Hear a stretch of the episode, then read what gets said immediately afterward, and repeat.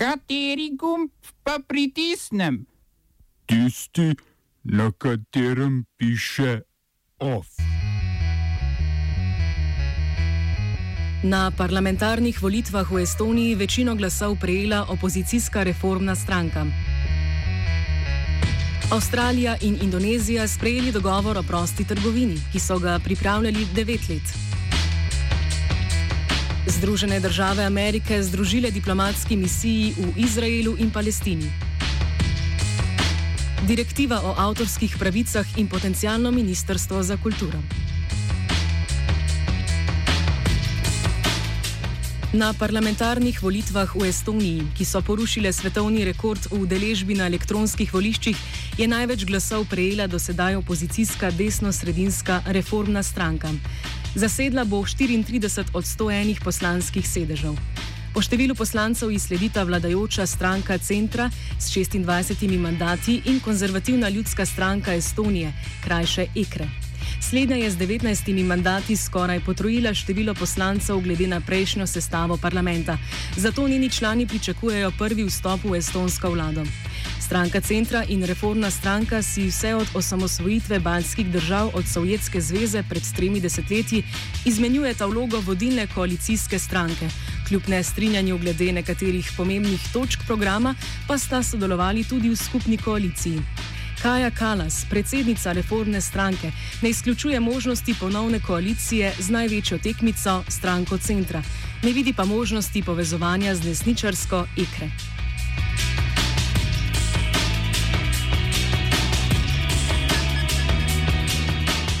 Avstralski finančni minister Simon Birmingham in indonezijski minister za trgovino Engartiasto Lukita sta podpisala dogovor o prosti trgovini med državama, o katerem so tekla pogajanja od leta 2010. Po načrtih naj bi do sklenitve dogovora prišlo že konec preteklega leta, vendar se je proces zamrznil ob diplomatskem sporu glede avstralskega veleposlaništva v Izraelu. Oktobra lani je namreč avstralski premijer Scott Morrison napovedal selitev veleposlaništva iz Tel Aviva v Jeruzalem, kar je seveda razjezilo politične voditelje Indonezije, najštevilčnejše muslimanske države na svetu. Do sprejetja dogovora je prišlo v času, ko se tako v Avstraliji kot Indoneziji bližajo volitve. Dogovor lahko koristi predvsem trenutnemu indonezijskemu predsedniku Džoku Vidoduju, kateremu javnost očita krivdo za lansko letni proračunski deficit v višini skoraj 8 milijard evrov, ki je najvišji v zgodovini Indonezije od leta 1975.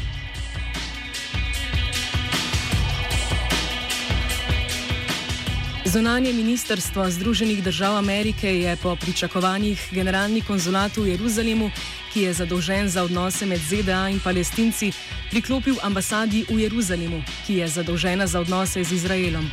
S tem se veča diplomatski prepad med Združenimi državami in Palestino, potem ko je ameriški predsednik Donald Trump marca 2017 Jeruzalem priznal kot izraelsko prestolnico, lanskega maja pa veleposlaništvo v Izraelu preselil v Jeruzalem.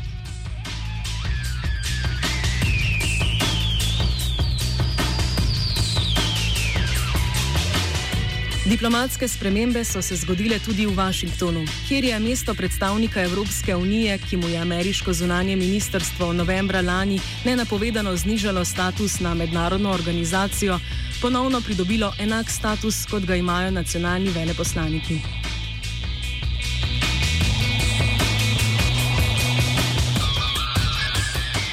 Potem, ko so kanadske oblasti sprožile postopke za izročitev finančne direktorice kitajskega telekomunikacijskega podjetja Huawei Meng Wanzhou Združenim državam Amerike, je Wanzhou vložila tožbo proti Kanadi.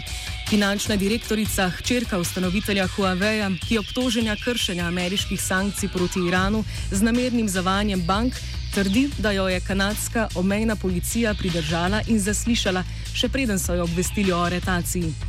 Leta je krepko ohladila odnose med Kanado in Kitajsko, ki je odziv pridržala dva kanadska državljana.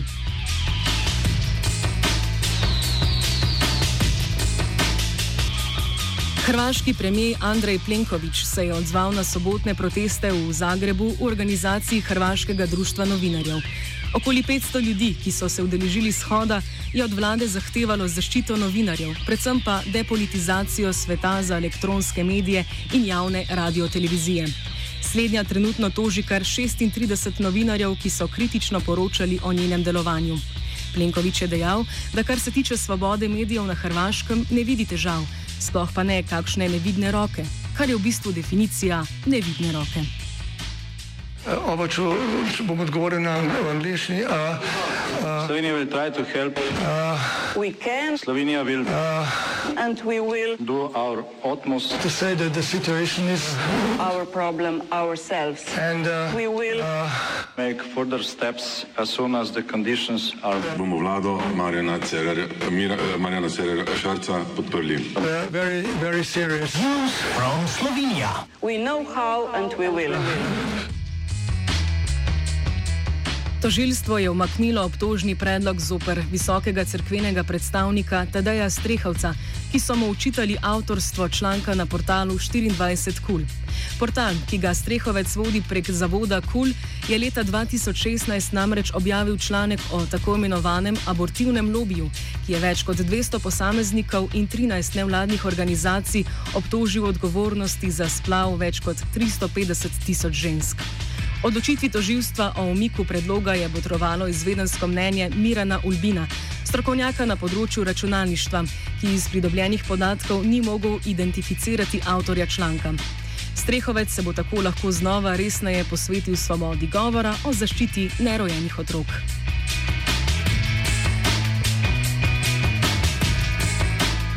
Vročica pustne sobote je zadela tudi slovenskega profesionalnega smočarja prostega sloga Filipa Flisarja.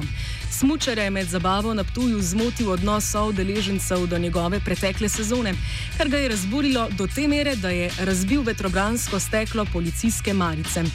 Po noči preživeti na policijski postaji se je Flisar že posipal s pepelom, se opravičil za svoje dejanja in opozoril, da policijska postaja ni primerna možnost za prenočitev. Smučarska zveza Slovenije bo o ukrepih zoper bradatega smučarja odločala v naslednjih dneh. OF je pripravil Virant.